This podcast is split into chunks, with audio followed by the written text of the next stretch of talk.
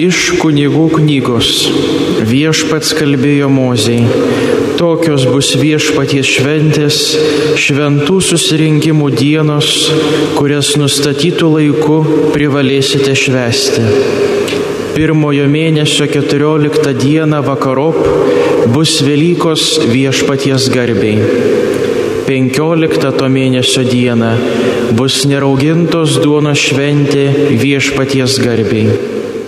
Per septynias dienas jūs valgysite neraugintą duoną.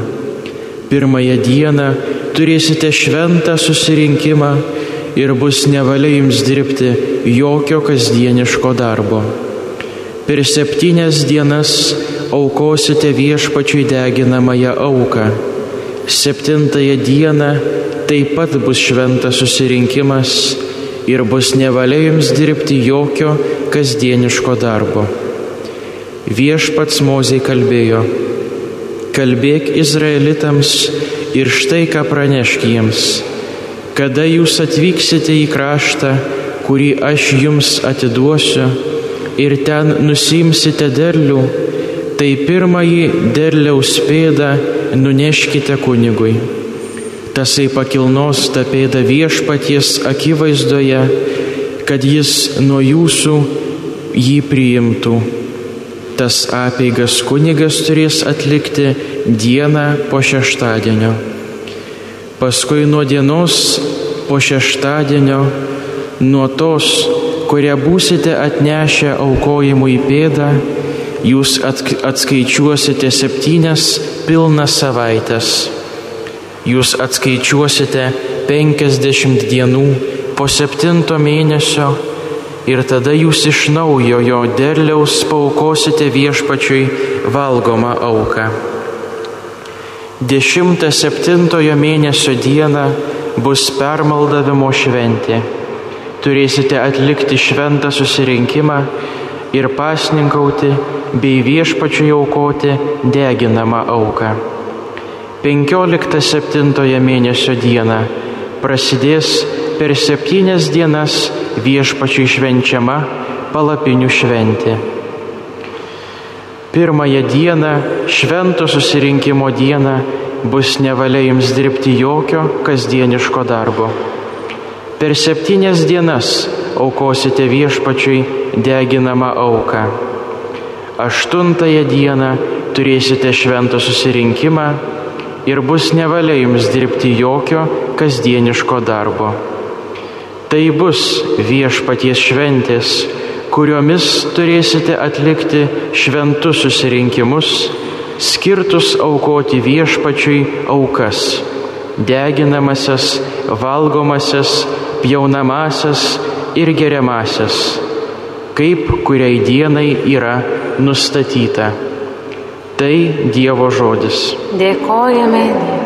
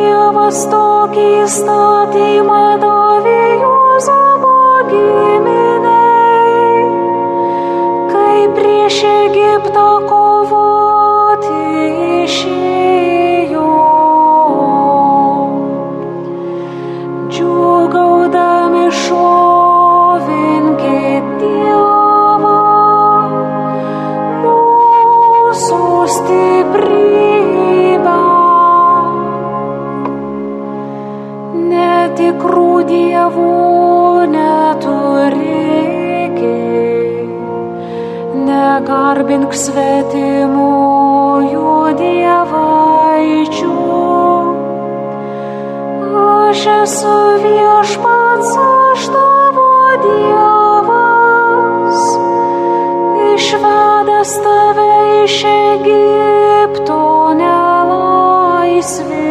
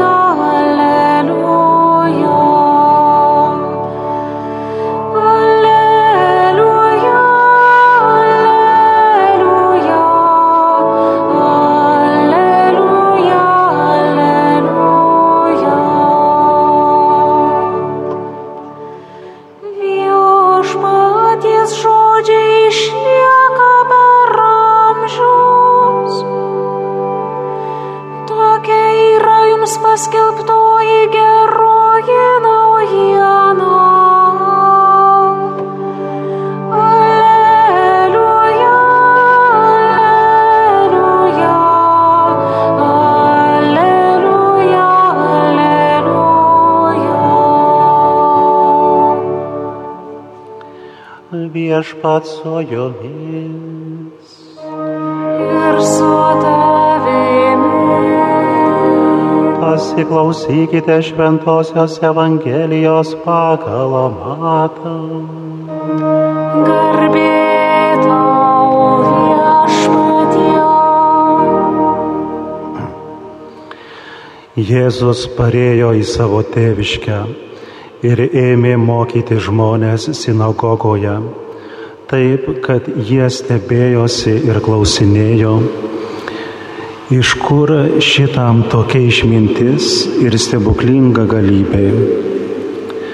Argi jis nedailidė sūnus, argi jo motina nesivadina Marija, o jų Jokūbas, Juozapas, Simonas ir Judas, argi ne jo broliai?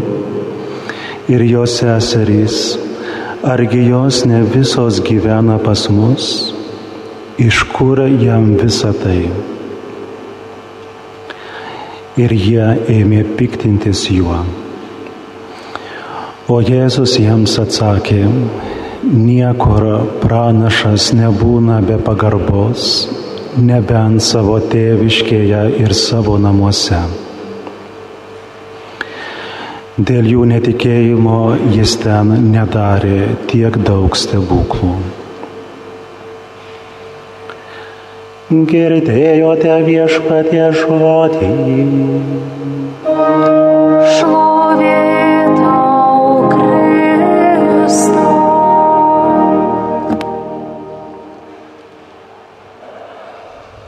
Brangus brolius seseris Kristuje,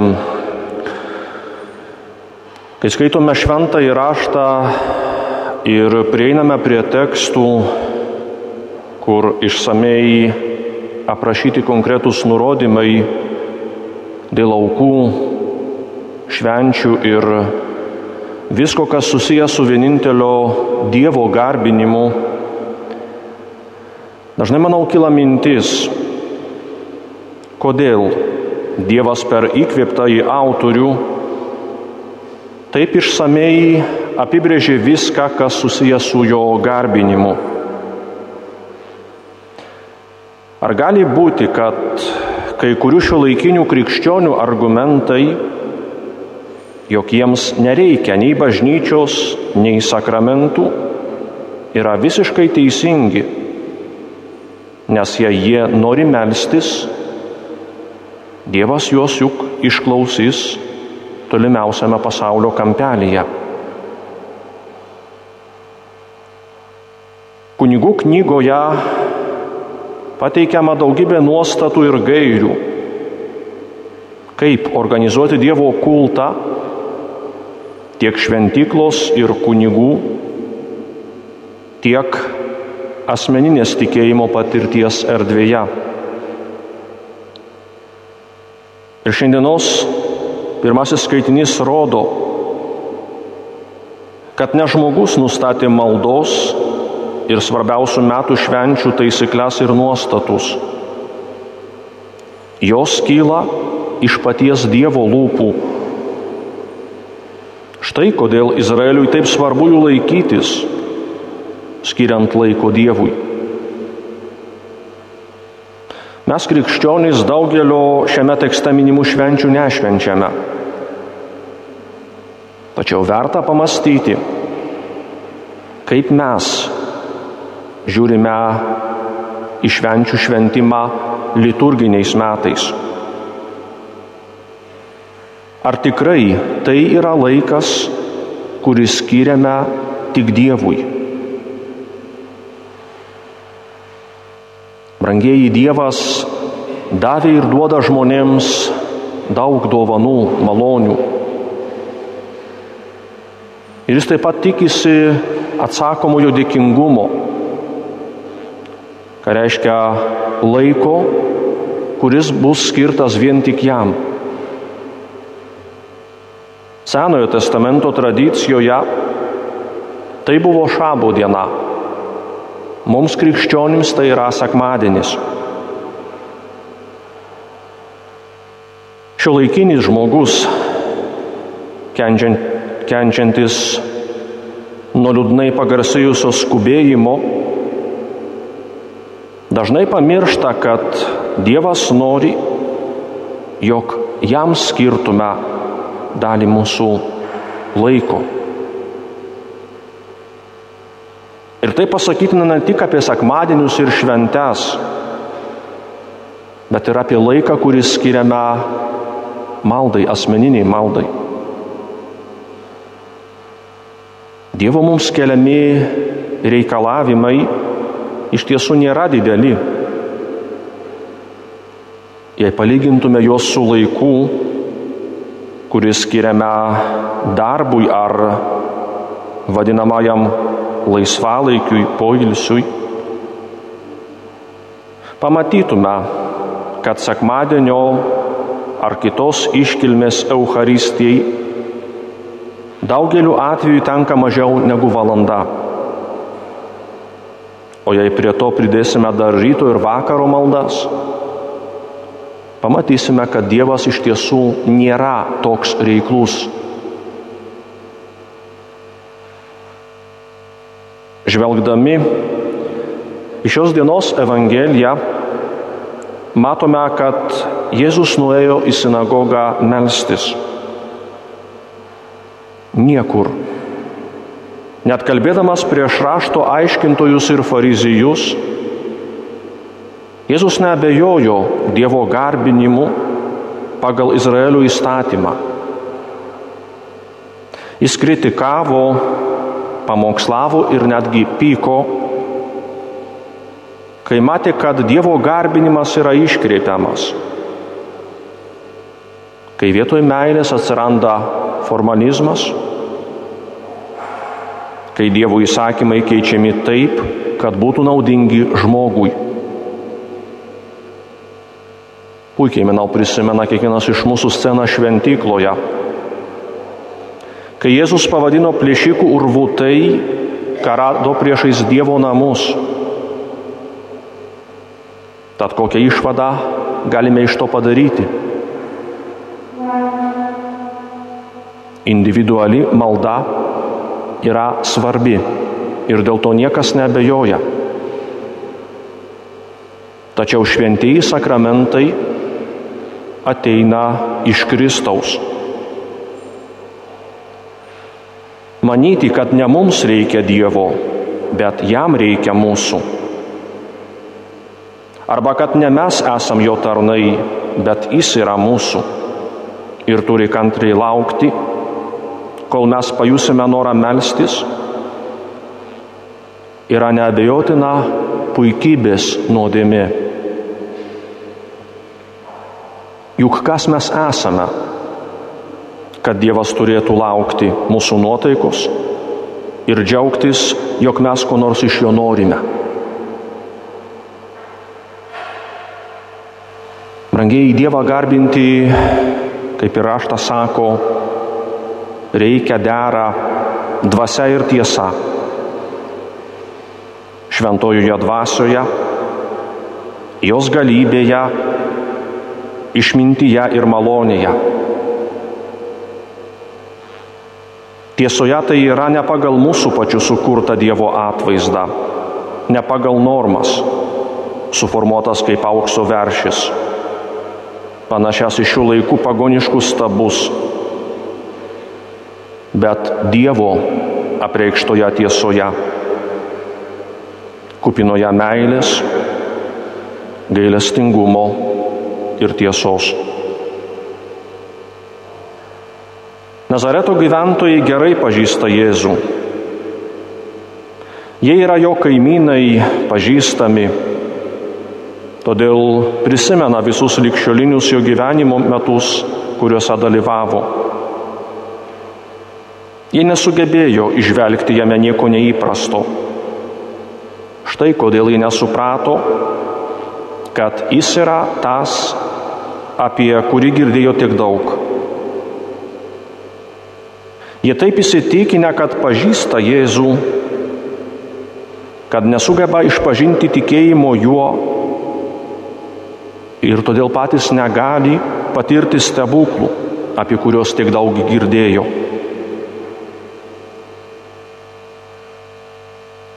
Brangiai mes taip pat kartais manome, kad gerai pažįstame Jėzų. Manome, kad išmokome visas tikėjimo, maldos, sakramentų veikimo schemas. Tačiau tai gali mus blokuoti ir trukdyti patirti Jėzaus buvimą ir veikimą mūsų gyvenime. Todėl reikia pasirengimo naujiems dalykams ir atvirumo netikėtumams.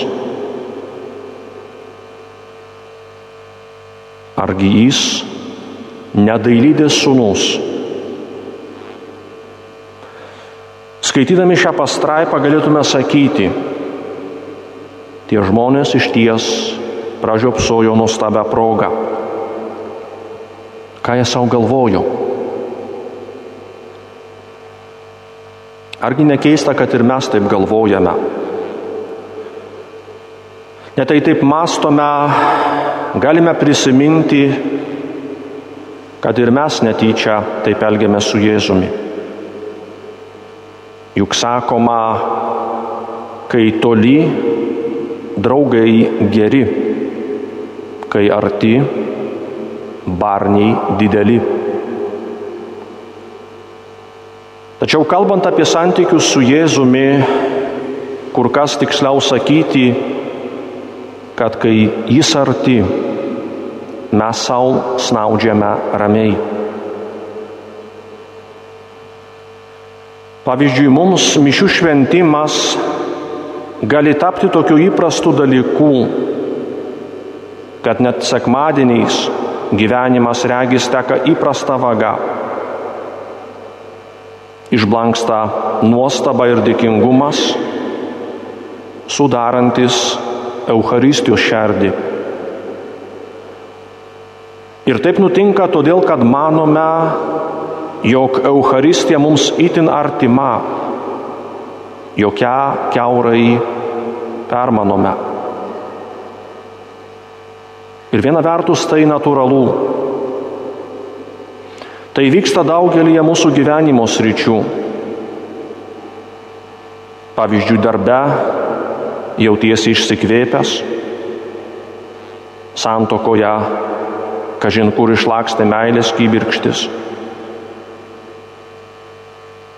Ir svarbu tokį išsivadėjimą atpažinti ir pamėginti įprastą rutiną supurtyti. Štai kaip galima nubusti iš apgaulingo snaudulio. Pavyzdžiui, per žodžių liturgiją melsk Jėzų, kad tave paliestų, sukrėstų vienas ar du sakiniai. Vėliau mišiuose tyliai apmastyk tuos žodžius Įsivaizduok, kad pats Jėzus tau juos sako ir aiškina. Toliau dėmėkis Euharistijos maldos žodžius. Te tampa jie tavo gyriaus ir prašymų malda. Kunigui tariant tuos žodžius, įsivaizduok save ir visą parapiją suklūpusius priešais Dievo sostą kokia tėvo veido išraiška, ką daro angelai, kokie jausmai sukūrėja tavo širdyje. Ir štai dar vienas dalykas. Patikėk Jėzui visą pabaigti. Jis norėjo Nazarete padaryti didžių dalykų. Jis norėjo išgydyti žmonės, ir atskleisti tėvo meilę. Jis trokšta tėvo meilę apreikšti ir tau. Jam rūpi, kad būtum sveikas. Tad leisk Jėzui veikti. Atverk savo širdį ir žiūrėk, kas vyksta. Jėzau, noriu tave pažinti. Trokštų tavo artumo, bet nenoriu su juo apsiprasti. Bendraujant su tavimi, manęs tegul neapleidžia nuostaba ir dėkingumas. Kviečiu tave į savo gyvenimą. Nekantriai laukiu to, kad tu ketini nuveikti manyje. Amen.